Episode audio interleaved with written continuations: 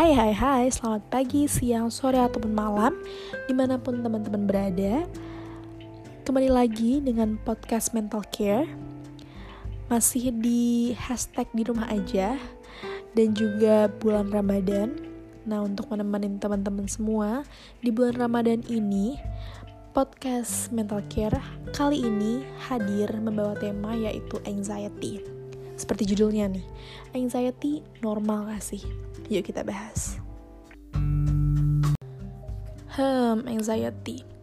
Jadi buat teman-teman yang belum tahu, anxiety itu adalah sebuah bahasa Inggris yang kalau ditranslate nih ke bahasa Indonesia adalah kecemasan. Anxious, cemas. Makanya nih orang-orang suka bilang kan, I'm anxious, aku cemas. Nah, anxiety sebenarnya normal gak sih? Iya, anxiety atau cemas itu adalah normal karena itu adalah feedback dari tubuh ketika merasakan suatu stres. Dia akan cemas. Misalnya nih, kalian mau presentasi, kalian mau masuk kerjaan ke baru, atau kalian mau ketemu teman baru. Kalian biasanya akan cemas memikirkan hal-hal tersebut. Dan biasanya anxiety atau cemas dalam kadar normal itu bisa memberikan kalian motivasi nih. Misalnya mau presentasi atau sidang dia bakal ngomong ke diri lo kayak ayo belajar lebih giat ayo nyiapin presentasinya lagi. Nah itu kalau misalnya dalam keadaan normal. Tapi nih teman-teman kalau misalnya anxiety atau cemas kalian itu udah overwhelming banget dan mengganggu keseharian kalian itu patut dicurigain.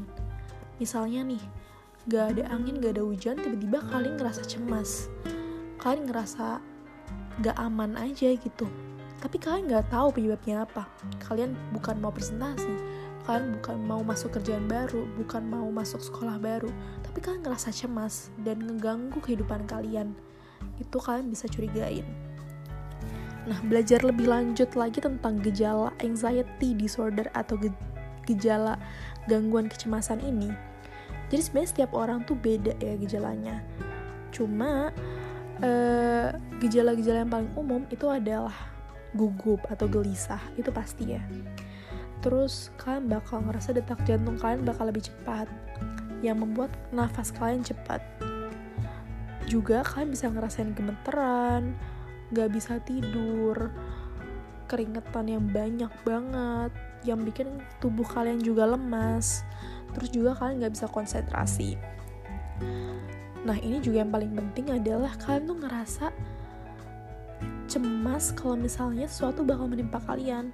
Sesuatu tuh mengawasin kalian gitu. Kan bakal terjadi sesuatu habis ini. Kalian tuh di otak kalian cuma ada pikiran itu dan akhirnya kalian nggak bisa ngelakuin kegiatan-kegiatan yang biasanya setiap hari kalian lakuin. Oke, okay, jadi teman-teman, anxiety disorder sendiri itu sebenarnya ada banyak macam yang pertama nih, yang paling umum adalah generalized anxiety disorder, uh, yaitu gangguan kecemasan umum.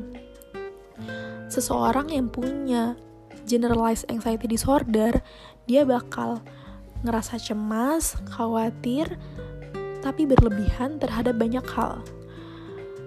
Mulai dari hal-hal yang kompleks sampai hal-hal sederhana kayak interaksi sama orang, ngangkat telepon. Nah, anxiety sendiri yang di generalized anxiety disorder ini dia bisa dirasain setiap hari sampai 6 bulan atau lebih. Seperti aku bilang tadi, penderitanya atau orang yang memiliki generalized anxiety disorder tentunya akan sulit menghadapi harinya karena dia dihantui dengan rasa cemas tersebut.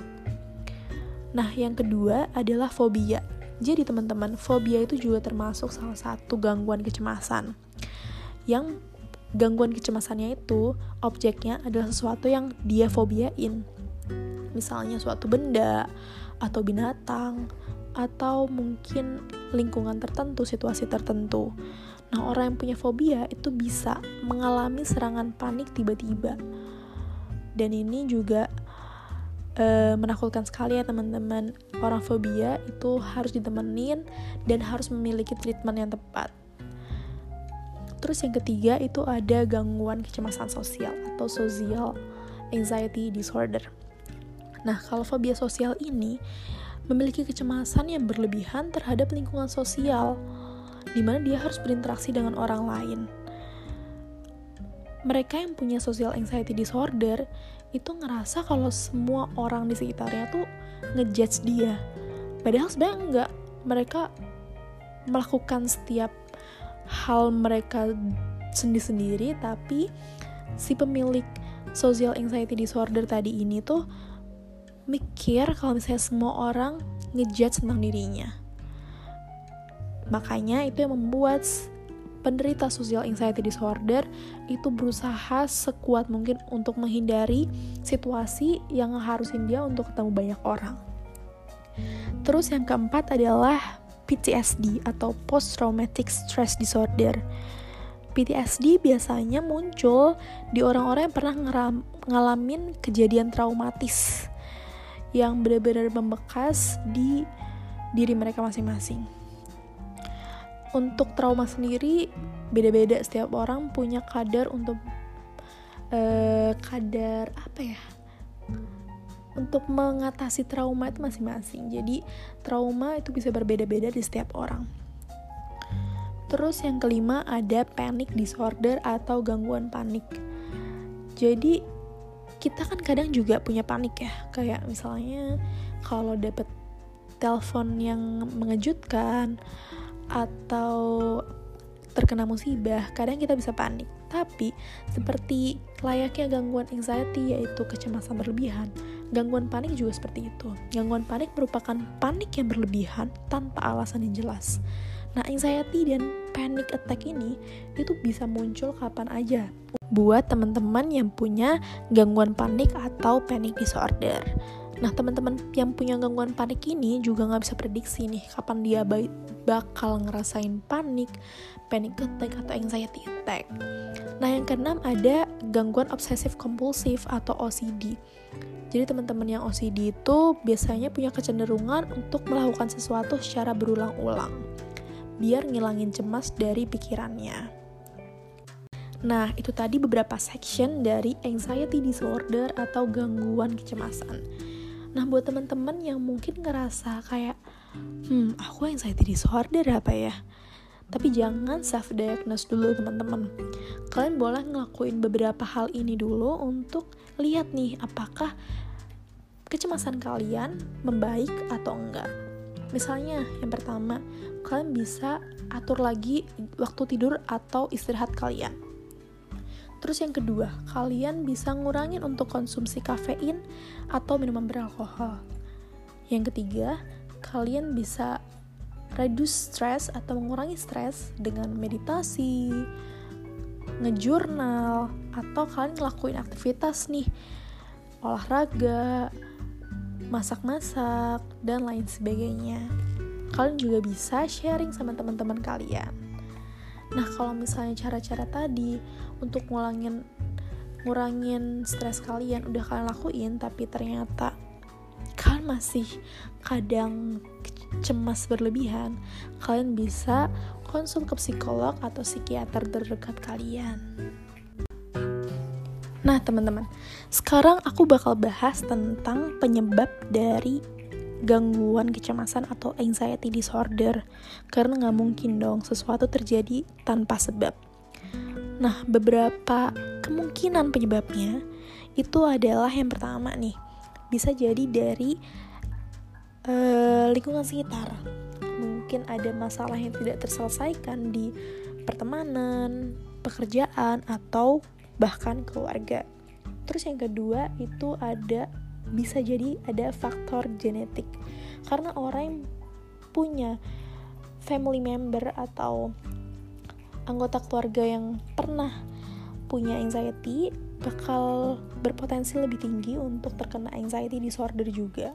Terus yang ketiga, medical factors. Buat teman-teman yang pernah ngalamin operasi, biasanya punya potensi lebih tinggi juga untuk mengalami anxiety disorder. Jangan sedih guys, beberapa studi menyatakan bahwa ada beberapa makanan yang bisa ngebantu kalian untuk mengurangi stres atau gangguan kecemasan kalian. Jadi ini bakal ngasih uh, beneficial impact ke otak kalian karena semua stres itu ada hubungannya dengan otak karena otak memiliki zat kimia di mana jika ada stres maka zat kimia itu akan tidak balance. Nah beberapa makanan itu adalah pertama salmon terus juga ada chamomile. Chamomile sangat terkenal untuk menenangkan. Terus ada turmeric atau kunyit ada juga coklat dark coklat ya teman-teman yogurt dan juga green tea. Nah, gimana nih teman-teman hari ini infonya tentang anxiety disorder atau gangguan kecemasan? Kalau teman-teman masih punya pertanyaan atau pengen ngasih saran, Kak itu ada info yang salah atau gimana kalian bisa kontak aku lewat Anchor. Nah, juga buat teman-teman yang mungkin merasakan beberapa gejala dari anxiety disorder, kalian bisa mulai kontak psikolog atau psikiater terdekat kalian. Selama di rumah aja, jangan lupa jaga jiwa kalian, jaga mental kalian. We care about your mental health because we are mental care. Bye, sampai jumpa di podcast selanjutnya.